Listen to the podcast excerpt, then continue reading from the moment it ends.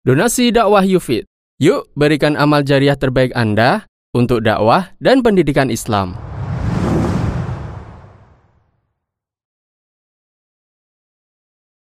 Bagaimana cara bertobat dari kemaksiatan yang suka berulang? Taubat cara yang sama. Dari dosa apa pun cara taubat sama. Kaifiat dan cara taubat sama. Tak ada yang beda. Dalam maksiat apa pun. Tiga syarat taubat utama dan sebagian ulama mengatakan lima syarat taubat. Baru disebut taubat itu taubat yang nasuha. Dan kalau taubat nasuha itu dilakukan, maka dosa yang kita bertaubat darinya dengan taubat seperti ini akan dihapuskan oleh Allah Subhanahu wa taala dosa-dosanya.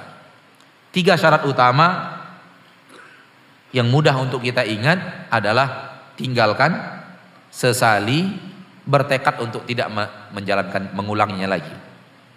Tinggalkan, sesali dan bertekad untuk tidak mengulangnya lagi. Ini tiga syarat utama. Adapun dua tambahannya lakukan dengan ikhlas, lakukan ketika masih ada waktu. Lakukan dengan ikhlas dan lakukan ketika masih ada waktu. Karena ada orang yang ikhlas melakukannya tapi waktu terlambat sudah. Waktu sudah terlambat, tidak diterima oleh Allah Subhanahu wa taala. Tinggalkan maksiat, Sesali masa lalu yang kita lakukan dengan maksiat itu dan punya tekad untuk tidak kembali lagi. Tekad. Jadi syarat taubat bukan tidak boleh kembali. Syarat taubat bukan tidak boleh kembali. Tapi ada tekad di dalam hati untuk tidak lagi melakukannya. Ketika Allah sudah melihat tekad itu ada, menyesali masa lalunya ada dan dia meninggalkan ketika itu, dia sudah bertaubat kepada Allah Subhanahu wa taala. Walaupun kemudian tekad itu kemudian menipis dan setelah itu menghilang dan terjerumus lagi, taubat lagi. Namun orang yang serius di dalam taubatnya, maka antara satu maksiat dengan terjerumus kepada maksiat yang sama itu jauh dan berjarak. Bukan hari ini kita terjerumus, kita taubat, besok datang lagi. Hari ini kita terjerumus kepada hari ini kita taubat, dua hari lagi kerjaan yang sama terulang lagi. Itu bukan taubat karena tidak ada tekad di dalam hatinya, azam, tekad yang sangat kuat untuk meninggalkan perbuatan itu. Kalau yang antum maksud adalah bahwa terjadi maksiat, kemudian antum bertaubat, serang satu tahun setelahnya terjerumus lagi. Selang dua tahun setelahnya terjerumus lagi, memang itulah kodrat manusia. Memang itulah apa? Kodrat manusia. Dan syaitan paling tahu mencari titik kelemahan antum. Bukan antum saja, semua kita. Manu, syaitan mempelajari biografi kita, mempelajari kebiasaan kita, mempelajari gerak-gerik kita dan dia tahu titik kelemahan kita ada di mana. Dan biasanya titik kelemahan itu dari situ dia masuk untuk membuat kita terjerumus lagi dan terjerumus lagi. Wallahu taala alam. Intinya bahwa Allah tetap menerima taubat Walaupun terjerumus lagi, taubat lagi. Terjerumus lagi, taubat lagi. Tapi taubat yang serius itu antara satu terjerumus ke, ke dalam keterjerumusan yang kedua itu tidak dekat. Karena dia punya tekad yang kuat. Wallahu a'lam.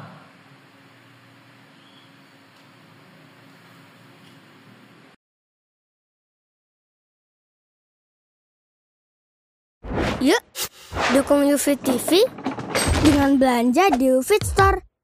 www.ufitstore.com Bagaimanakah cara bertaubat? Agar taubat kita diterima oleh Allah Subhanahu wa taala, maka dibutuhkan syarat yaitu pertama, Islam. Tidak sah taubat seseorang kecuali dari seorang muslim. Allah Subhanahu wa taala berfirman, dan tidak pula diterima taubat orang-orang yang mati sedang mereka di dalam kekafiran. Bagi orang-orang itu telah kami sediakan siksa yang pedih. Surat An-Nisa ayat 18. Kedua, ikhlas. Taubat dilakukan semata-mata hanya mengharap wajah Allah dan ampunannya. Allah Subhanahu wa taala berfirman, "Jika kamu berdua bertaubat kepada Allah, maka sesungguhnya hati kamu berdua telah condong untuk menerima kebaikan." Surat At-Tahrim ayat 4. Ketiga, mengakui dosa yang dilakukannya. Tidak sah taubat seseorang kecuali setelah dia mengakui kesalahannya. Keempat, menyesali perbuatan dosa yang pernah dilakukan. Rasulullah Shallallahu Alaihi Wasallam bersabda, penyesalan adalah taubat. Kelima, meninggalkan perbuatan dosa tersebut. Allah Subhanahu wa Ta'ala berfirman, dan juga orang-orang yang apabila mengerjakan perbuatan keji atau menganiaya diri sendiri, mereka ingat akan Allah, lalu memohon ampun terhadap dosa-dosa mereka. Dan siapa lagi yang dapat mengampuni dosa selain Allah? Dan mereka tidak meneruskan perbuatan kejinya itu, sedang mereka mengetahui. Surat Ali Imran, ayat 135. Keenam, bertekad untuk tidak akan mengulanginya di masa yang akan datang. Ketujuh, dilakukan sebelum ruh sampai di tenggorokan dan sebelum matahari terbit dari sebelah barat. Kedelapan, jika dosa itu berhubungan dengan hak orang lain, maka ada syarat tambahan, yaitu meminta kerelaan dari orang yang dizolimi. Apabila berupa harta, maka ia harus mengembalikannya. Apabila berupa tuduhan, maka harus meminta maaf darinya. Allah Subhanahu wa taala berfirman, dan balasan suatu kejahatan adalah kejahatan yang serupa. Surat Asy-Syura ayat 40.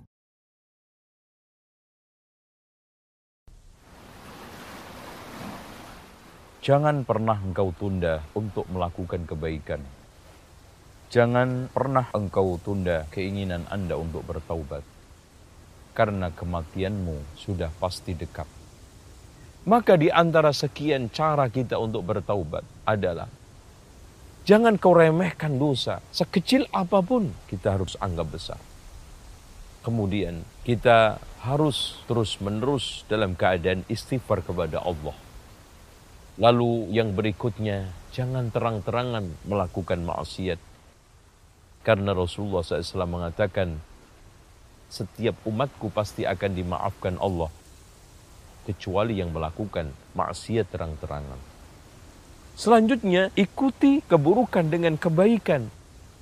Karena Rasulullah SAW mengatakan, ikutilah setiap keburukan, kemaksiatan, pelanggaran dengan kebaikan-kebaikan, dengan ketaatan-ketaatan, insya Allah Allah Subhanahu wa Ta'ala akan mengampuninya.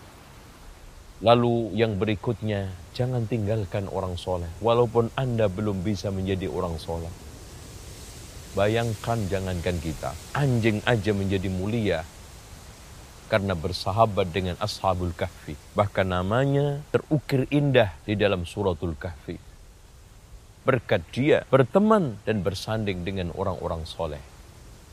Selanjutnya, jangan menunda-nunda taubat. Karena Rasulullah SAW mengatakan, Allah akan terus menerima taubat seorang hambanya selagi nyawanya tidak ditenggorokan. Lalu yang berikutnya, jangan hampirkan di dalam benak kita putus asa. Karena Allah Subhanahu wa taala mengatakan, Katakan Muhammad, wahai hamba-hambaku yang telah mengotori dirinya dengan perbuatan maksiat. Jangan putus asa terhadap rahmatku.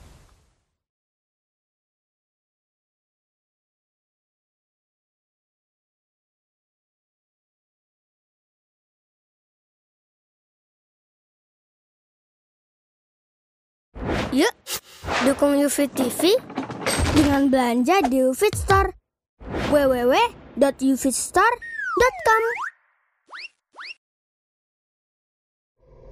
Sampai kapan kamu akan berbuat seperti itu terus? Apa kamu tidak yakin bahwasanya adab Allah begitu keras? Kamu tidak takut pada Allah?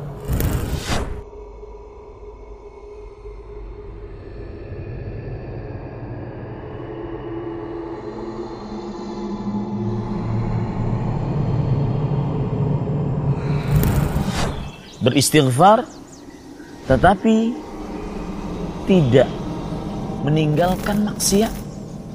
Ini adalah tobatnya para tukang dusta. Sering sekali sebagian dari orang bertobat, tetapi pada hari yang sama dia melakukan kesalahan yang sama. Padahal dia sudah bertobat padanya. Ini bukan istighfar yang diminta. Kita hidup di dunia sebentar, akhi. Apakah hanya karena kita ingin mendapatkan dunia dan dunia, memuaskan syahwat kita dan hawa nafsu kita, kita gadaikan kehidupan yang sepanjang begitu. Kalau misalnya kamu hidup di dunia 60 tahun, tahukah kamu satu harinya di sisi Allah seribu tahun? Kalau satu hari 24 jam di sisi Allah seribu tahun, berarti kita hidup di dunia hanya 1,5 jam. Apa kamu tidak sadar? Apakah hanya untuk 1,5 jam kamu gadaikan kehidupan yang tiada tara? Tidakkah kamu berpikir, akhi, saudaraku, kita ini manusia yang kelak akan dimintai pertanggungjawaban oleh Allah Subhanahu wa taala. Segera kita sadar, segera kita taubat pada Allah Subhanahu wa taala. Bangun tidur sampai tidur kembali. Adakah kita lepas dari dosa dan maksiat? Tidak ada, tetapi meskipun demikian, hal itu tidak boleh mengecilkan hati kita untuk mengharapkan ampunan dari Allah Azza wa Jalla. Jangan sampai kita putus asa. Allah Azza wa Jalla katakan, قل يا عبادي الذين أسرفوا على أنفسهم لا تقنطوا لا تقنطوا من رحمة الله إن الله يغفر الذنوب جميعا إن الله يغفر الذنوب جميعا إنه هو الغفور الرحيم Katakanlah kepada hamba-hambaku yang tenggelam dalam dosa dan maksiat. Jangan kalian putus asa dari rahmat Allah. Sesungguhnya Allah subhanahu wa ta'ala mengampuni seluruh dosa. Kegelisahan, gundah gulana, kekhawatiran, ketidaktenangan. Dan ini dirasakan oleh setiap pelaku maksiat. Tidak bisa dipungkiri juga hal ini. Demikian juga orang yang minum khamar. Orang yang minum khamar, tatkala minum khamar dia merasa lezat, namun setelah selesai minum khamar yang ada kegelisahan. Maka dia ingin mencari kelezatan berikutnya. Sehingga maksiat tadi menjerumuskan dia kepada maksiat berikutnya. Kenapa? Dia ingin mencari kelezatan yang telah hilang tersebut. Kelezatan yang bersifat sementara. Tatkala Anda bermaksiat, memang Anda merasakan kelezatan. Namun ingatlah kelezatan tersebut hanyalah sementara dan setelah pergi kelezatan tersebut akan ada kegelisahan, akan ada ya kekeringan dalam hati Anda dan akan ada gundah gulana dan setelah itu Anda akan dihisap oleh Allah Subhanahu wa taala. Jika Anda ingin bahagia, maka takwalah kepada Allah. Melaksanakan ketaatan, maka kebahagiaan tersebut akan selalu ada di hati Anda. Semoga Allah memberikan kepada kamu hidayah, akhi, dan juga kepada saya untuk sama-sama kita bergandeng tangan menuju surga Allah yang luas, yang luasnya seluas langit dan bumi. Tidakkah kamu ingin mendapatkan surga tersebut? Atau kamu lebih senang untuk mendapatkan api neraka? Wallahi, kesabaran di neraka tidak ada gunanya lagi. Semoga ana dan antum diberikan oleh Allah Subhanahu wa taala hidayah dan istiqomah.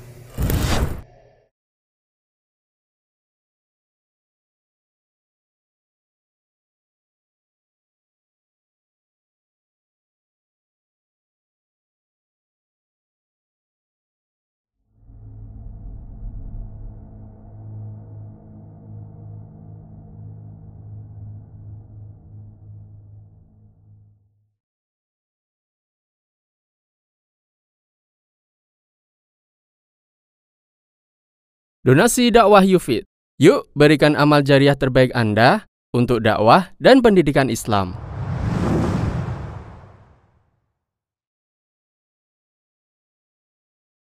Taubat adalah salah satu sebab terhapusnya dosa. Saudara-saudariku yang mulia, perlu kita ketahui bahwa taubat adalah penghapus seluruh dosa. Dan di antara nama Allah adalah At-Tawwab yang maha menerima taubat, Al-Ghafur yang maha pengampun, dan Al-Ghaffar yang maha pengampun dengan ampunan yang banyak. Sehingga, sebesar apa pun dosa yang dilakukan oleh seseorang, maka jika ia bertaubat dengan taubat yang sebenar-benarnya kepada Allah, maka Allah akan mengampuninya berdasarkan firman-Nya yang artinya, Katakanlah, wahai hamba-hambaku yang melampaui batas terhadap diri mereka sendiri, janganlah kalian berputus asa dari rahmat Allah. Sesungguhnya Allah mengampuni dosa-dosa semuanya, sungguh dialah yang maha pengampun, maha penyayang. Dan kembalilah kalian kepada Tuhan kalian, yaitu bertaubat. Quran Surat Az-Zumar ayat 53 dan 54. Al-Hafidh Ibnu Katsir rahimahullah menjelaskan, ayat ini merupakan seruan bagi seluruh pelaku maksiat, baik maksiat kekufuran maupun yang lainnya, untuk bertaubat dan kembali kepada Allah Subhanahu wa taala. dan juga merupakan kabar bahwa Allah Ta'ala mengampuni dosa seluruhnya bagi siapa pun yang bertaubat dan kembali dari dosa-dosa tersebut. Bagaimanapun keadaan dosa-dosanya, walaupun dosa-dosanya banyak, bahkan seperti buih di lautan. Tafsir Al-Quran Al-Azim Imam Muhammad bin Ahmad Al-Ansari Al-Qurtubi rahimahullah juga menjelaskan, firman Allah, dan kembalilah kalian kepada Tuhan kalian, yaitu kembalilah kalian kepadanya dengan melakukan ketaatan, Ketika Allah Subhanahu wa taala menjelaskan bahwa siapa pun yang bertaubat dari kesyirikan, maka akan diampuni dosanya. Saat itu juga Allah memerintahkan untuk bertaubat dan kembali kepadanya. Inabah dalam ayat ini maksudnya adalah kembali kepada Allah dengan ikhlas. Tafsir Al-Qurtubi. Sehingga seluruh dosa di sini tanpa terkecuali dosa kesyirikan, seluruhnya akan diampuni oleh Allah dengan syarat apabila pelakunya melakukan taubat yang benar sebelum terlambat yaitu sebelum ajal menjemput dan sebelum matahari terbit dari barat. Sebagaimana Nabi Shallallahu Alaihi Wasallam bersabda, yang artinya orang yang bertaubat dari perbuatan dosa seperti orang yang tidak melakukan dosa. Hadis riwayat Ibnu Majah, Baihaqi, dan disohihkan Al Albani. Maka seharusnya kita sebagai manusia yang banyak melakukan dosa untuk selalu bertaubat kepada Allah. Sebagaimana Rasulullah Shallallahu Alaihi Wasallam memerintahkan Wahai sekalian manusia, bertaubatlah kalian kepada Allah dan mintalah ampunannya. Sesungguhnya aku bertaubat dalam sehari sebanyak seratus kali. Hadis riwayat Muslim. Sedangkan ayat ke-48 dalam surat An-Nisa bahwa Allah tidak mengampuni dosa selain syirik. Hal ini jika pelakunya tidak sempat bertaubat sebelum meninggal. Sebagaimana Al-Hafidh Ibnu Katsir rahimahullah menjelaskan, kemudian Allah mengabarkan bahwa ia tidak akan mengampuni dosa syirik yaitu tidak mengampuni bagi seorang hamba yang meninggal dalam keadaan masih berbuat syirik. Tafsir Al-Quran Al-Azim. Sehingga perlu kita perhatikan bahwa taubat yang benar adalah jika dilakukan dengan memenuhi syarat-syaratnya. Sebagaimana yang dirincikan oleh Syekh Muhammad bin Saleh Al-Uthaymin rahimahullah, syarat-syarat taubat adalah 1. Ikhlas kepada Allah 2. Penyesalan atas maksiat yang pernah ia lakukan 3. Meninggalkan dosa tersebut 4. Bertekad agar tidak kembali lagi berbuat dosa di waktu yang akan datang. 5. Taubat dilakukan pada waktu yang tepat, yaitu sebelum datangnya ajal dan sebelum matahari terbit dari barat. Syarah Riyadhus Salihin. Demikian, semoga Allah Subhanahu wa taala mengampuni dosa-dosa kita. Wallahu a'lam.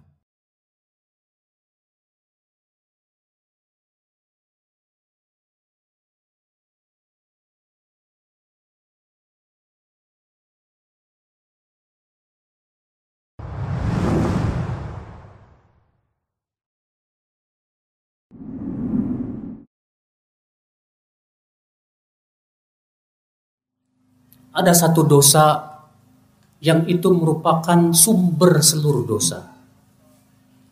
Dan itulah sumber satu-satunya yang paling besar datangnya malapetaka. Apa itu? Itu syirik. Mempersekutukan Allah Subhanahu wa taala. Allah tidak pernah ridha dirinya disekutukan dan Allah menjanjikan orang yang berbuat syirik haram masuk surga.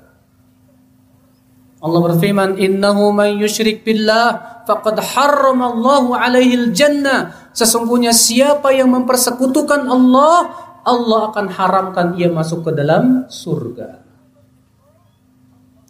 Kesyirikan Bapak sekalian, dosa yang paling besar. Tidak ada dosa yang lebih besar dari kesyirikan. Sumber semua malapetaka dari syirik. Selama di suatu tempat masih ada kesyirikan, jangan harap Anda untuk bisa mengentaskan kemaksiatan. Karena sumber semua kemaksiatan ada dari kesyirikan. Oleh karena itu seluruh nabi dan rasul yang mereka pertama kali mereka dakwahkan adalah supaya mereka mentauhidkan Allah, menjauhkan kesyirikan, karena itulah sumber dari berbagai macam keberkahan Bapak sekalian. Tauhid sumber berbagai macam keberkahan yang Allah berikan kepada hambanya. Dengan tauhidlah Allah menjamin seorang hamba masuk ke dalam surga. Dengan tauhidlah Allah akan mengokohkan kaum muslimin di atas muka bumi ini.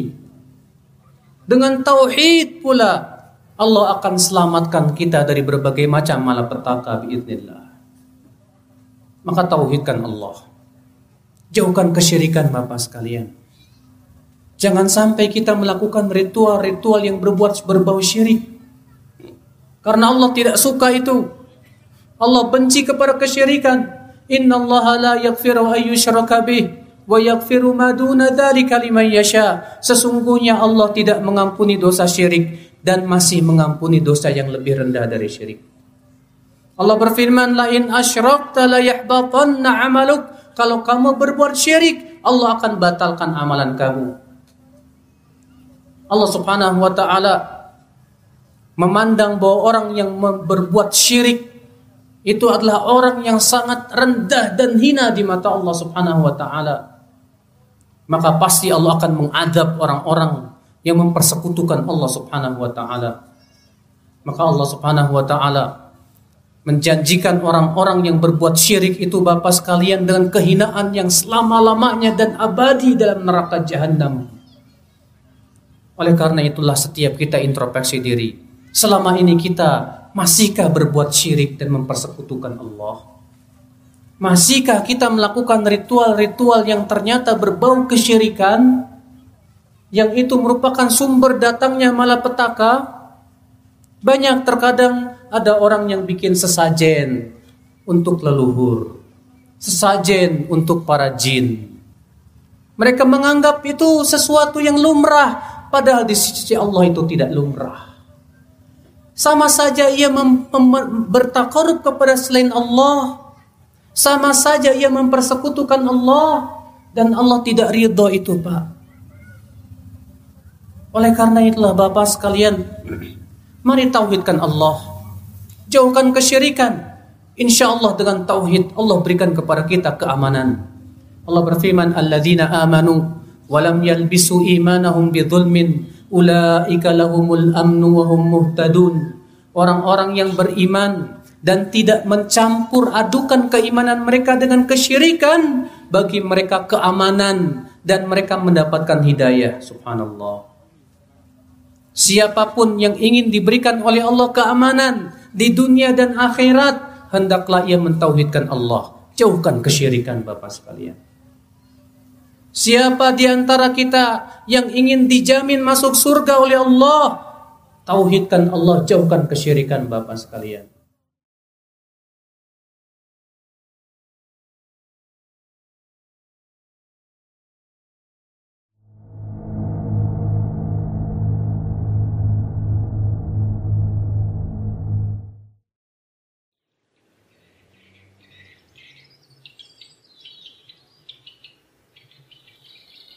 Assalamualaikum warahmatullahi wabarakatuh. Alhamdulillah. Salatu wassalamu ala Rasulillah wa ala alihi wa ashabihi wa mawala.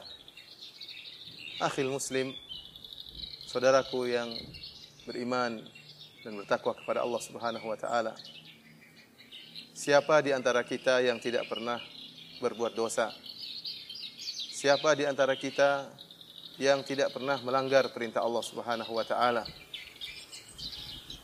Setiap kita pasti berbuat dosa. Dan ini telah dinyatakan oleh Nabi sallallahu alaihi wasallam. Kullu bani Adam khata. Setiap anak Adam khata. Dan khata dalam bahasa Arab artinya senantiasa terjerumus dalam dosa. Berulang-ulang terperangkap dalam perangkap iblis dan perangkap syaitan. Akan tetapi kata Nabi sallallahu alaihi wasallam, "Wa khairul khatta'ina at-tawwabun." Dan orang-orang yang berdosa, yang terbaik di antara mereka adalah yang bertobat kepada Allah Subhanahu wa taala. Pada kesempatan yang berbahagia ini, saya ingin mengajak saudaraku untuk merenungkan tentang luasnya rahmat Allah Subhanahu wa taala. Agar jangan sampai terbetik sedikit pun dalam hati kita keraguan untuk kembali kepada Allah.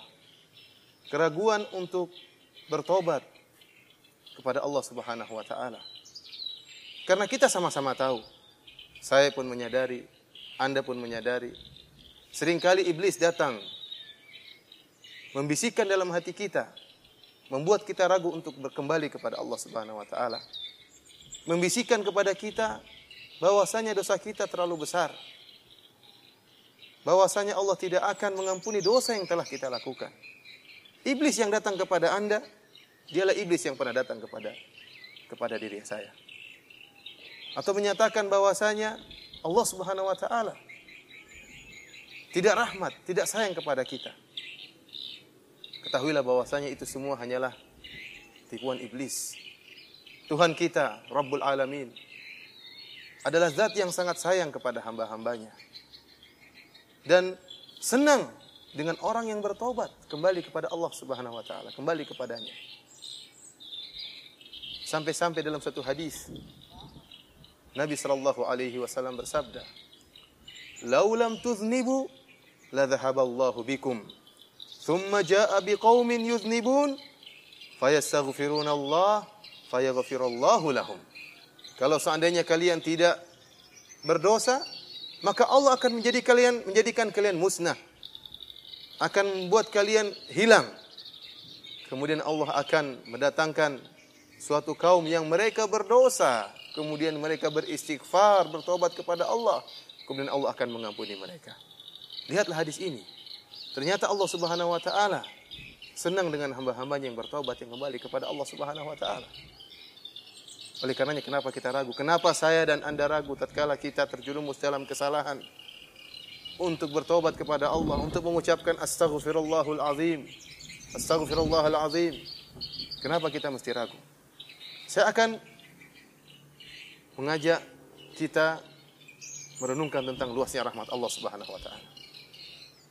Ada sebuah ayat dalam Al-Quran yang dinamakan oleh para salaf dengan arja ayatin fi kitabillah. Ayat yang sangat memberi harapan, yang paling memberikan harapan kepada hamba-hamba Allah Subhanahu wa taala. Ayat apakah itu?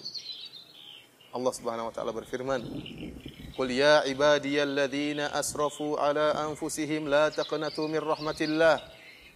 Inna Allah yaghfiru dhunuba jami'an. Innahu huwal ghafurur rahim. Nidaun Rabbani. Seruan ilahi. Panggilan Allah subhanahu wa ta'ala. Kepada siapa? Kepada hamba-hamba Allah yang berdosa, yang berlumuran dosa. Kepada hamba-hamba Allah yang tenggelam dalam kenistaan. Allah seru mereka dengan panggilan penuh rahmat. Kata Allah subhanahu wa ta'ala, Kul ya ibadi, wahai hamba-hambaku yang telah melampaui batas dalam berbuat dosa. Lihat, mereka terjerumus dalam kemaksiatan, tapi Allah tetap memanggil mereka dengan hamba-hambaku. Allah masih mengakui mereka sebagai hamba-hamba Allah sementara mereka bermaksiat, sementara mereka melanggar perintah Allah Subhanahu wa taala, sementara mereka membangkang dengan perintah Allah Subhanahu wa taala. Allah masih mengakui mereka sebagai hamba-hambanya. Allah mengatakan, "Kul ya ibadi wahai hamba-hambaku." Kemudian Allah berkata apa? Alladzina asrafu ala anfusihim. Yang telah melampaui batas dalam berbuat dosa. Allah tidak menyatakan hamba-hambaku yang berdosa.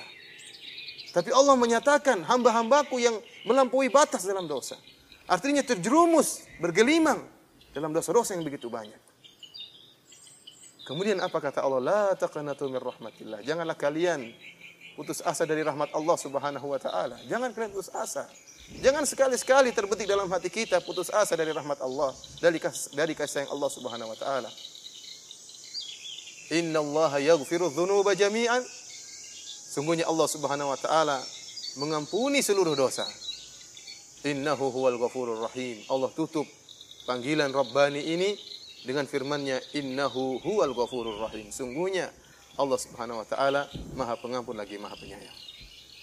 Untuk menghilangkan keraguan akan luasnya rahmat Allah, saya akan mengajak kembali saudaraku sesama muslim untuk melihat bagaimana praktek nyata kasih sayang Allah yang Allah tawarkan kepada orang-orang yang paling kafir terhadap Allah Subhanahu wa taala. Lihatlah Firaun, laknatullah alaih. Yang tidak ada orang yang lebih kafir daripada Firaun ini yang mengatakan ana rabbukumul a'la. Aku adalah Tuhanmu yang maha tinggi. Allah mengutus Nabi Musa alaihissalam dan Nabi Harun kepada Firaun. Bahkan Allah mengatakan fakula lahu qaulan layyina. la'allahu yatadhakkaru aw yakhsha. Ucap- Ucapkanlah wahai Musa dan Harun kepada Fir'aun dengan perkataan yang lembut. Semoga Fir'aun ini yatadhakkaru aw yakhsha. Dia ingat dan dia takut kepada Allah. Allah masih menawarkan pintu taubat masih Allah bukakan. Seandainya Allah tidak sayang kepada makhluknya, sedikit pun bersalah, maka Allah akan azab. Apalagi ada makhluknya yang mengaku sebagai Tuhan. Allah akan azab dan musnahkan dan binasakan sedetik itu pula. Akan tapi Allah Subhanahu wa taala masih menawarkan pintu taubat kepada Firaun. Lihatlah orang-orang Nasrani yang mereka telah berbuat kesyirikan yang menyatakan Allah satu dari yang tiga. Sampai Allah mengatakan laqad kafara alladziina qalu innallaha thalithu thalatha. Sungguh sungguh telah kafir orang-orang yang menyatakan bahwasanya Allah satu dari yang tiga. Trinitas. Allah mengancam neraka, mereka akan diadab neraka jahanam kalau mereka tidak bertobat. Tapi di akhir ayat apa kata Allah? Afala yatubuna ila Allah wa yastaghfiruna. Apakah mereka tidak bertobat kepada Allah dan kembali beristighfar kepada Allah Subhanahu wa taala? Allah tawarkan taubat dan istighfar. Pada siapa? Kepada mereka orang-orang yang berbuat syirik. Yang telah mengucapkan kalimat yang buruk tentang Allah Subhanahu wa taala, menyatakan Allah punya anak, menyatakan Allah satu dari yang tiga. Namun Allah masih tawarkan taubat kepada mereka. Mari kita renungkan lagi tentang ayat yang lain. Yang Allah bercerita tentang Ashabul Ukhdud. Tentang raja-raja yang zalim. Yang mereka telah membakar hidup-hidup kaum mukminin dan kaum mukminat dengan jumlah puluhan ribu. Hanya karena mereka mengatakan aman nabillah. Hanya karena mereka beriman kepada Allah. Allah berfirman dalam surat Al-Buruj. Innal ladzina fatanul mu'minina wal mu'minat thumma lam yatubu falahum azabu jahannam walahum azabul harim. Sungguhnya orang-orang yang telah menyiksa kaum mukminin dan kaum mukminat itu dengan membakar mereka hidup-hidup. Bagi mereka azab yang pedih dan bagi mereka azab yang membakar. Allah mengatakan summa lam yatubu. Kemudian mereka tidak bertobat. Kalau mereka tidak bertobat, bagi mereka azab yang pedih dan bagi mereka azab yang membakar. Artinya apa? Masih ada kesempatan bagi mereka untuk bertobat. Kita dengan pandangan yang lemah, kalau melihat ada seseorang yang kemudian mengadab seorang mukmin, membakarnya, menyiksanya, maka mungkin terbentik dalam hati kita orang seperti ini tidak bakalan diampuni oleh Allah. Orang yang hina seperti ini, yang begitu bengis menyiksa kaum mukminin tidak akan diampuni oleh Allah Subhanahu wa taala. Bagaimana lagi jika dia membakar puluhan ribu kaum mukminin dan kaum mukminat? Akan tapi Allah Subhanahu wa taala Maha sayang kepada hamba-hambanya. Allah masih menawarkan taubat kepada orang-orang seperti ini. Oleh karenanya Hasan, Hasan al-Basri rahimahullah menyatakan, lihatlah bagaimana kasih sayang Allah. Bagaimana mulianya Allah Subhanahu wa taala. Qatalu awliya Allah. Mereka ini telah membunuh wali-wali Allah Subhanahu wa taala. Tapi Allah masih menawarkan ampunan taubat kepada mereka. Saya ajak kembali saudaraku untuk merenungkan ayat yang lain. Kisah para penyihir Fir'aun. Tatkala mereka berduel dengan Nabi Musa. Para penyihir yang telah dikumpulkan oleh Fir'aun. Yang disebutkan oleh sebagian oleh tafsir. Jumlah, jumlah mereka ribuan. Dan profesi mereka adalah tukang sihir. Dan kita tahu sihir adalah kesyirikan.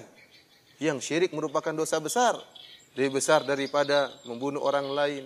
Lebih besar daripada mencuri, lebih besar daripada merampok, lebih besar daripada durhaka kepada kedua orang tua, lebih besar daripada berzina. Hidup mereka bertahun-tahun atau bahkan puluhan tahun berkecimpung dalam dunia kesyirikan. Betapa besar dosa yang mereka lakukan. Akan tetapi tatkala mereka melihat mukjizat Nabi Musa alaihissalam, mereka pun kata Allah Subhanahu wa taala, "Fa ulqiya saharatu sujada." Maka sujudlah para tukang sihir tersebut. Mereka berkata, amanna bi Rabbi Harun wa Musa. Kami beriman kepada Robnya Harun dan Robnya Musa. Mereka beriman langsung kepada Allah. Dalam waktu sekejap di siang hari.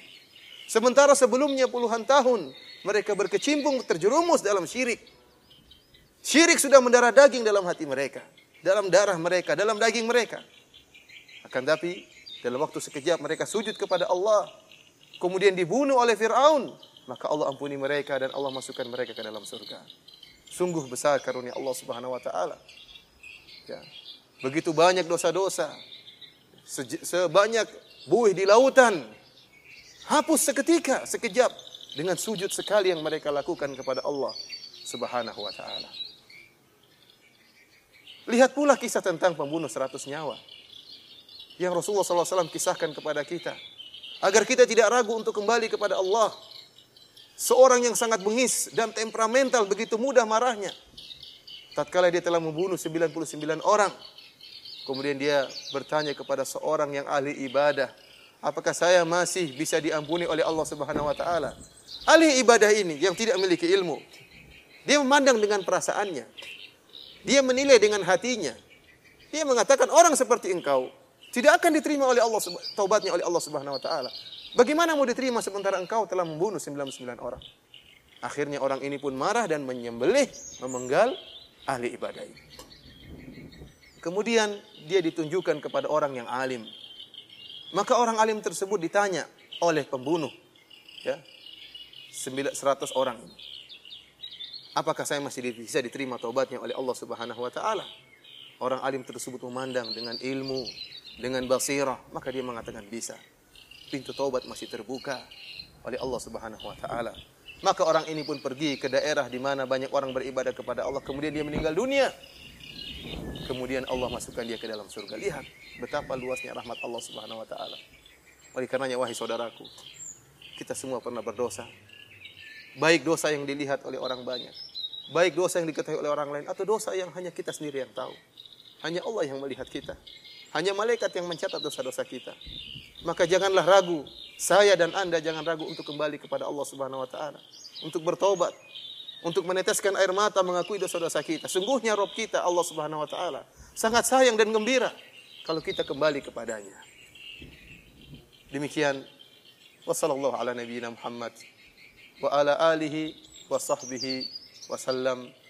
Wassalamualaikum warahmatullahi wabarakatuh.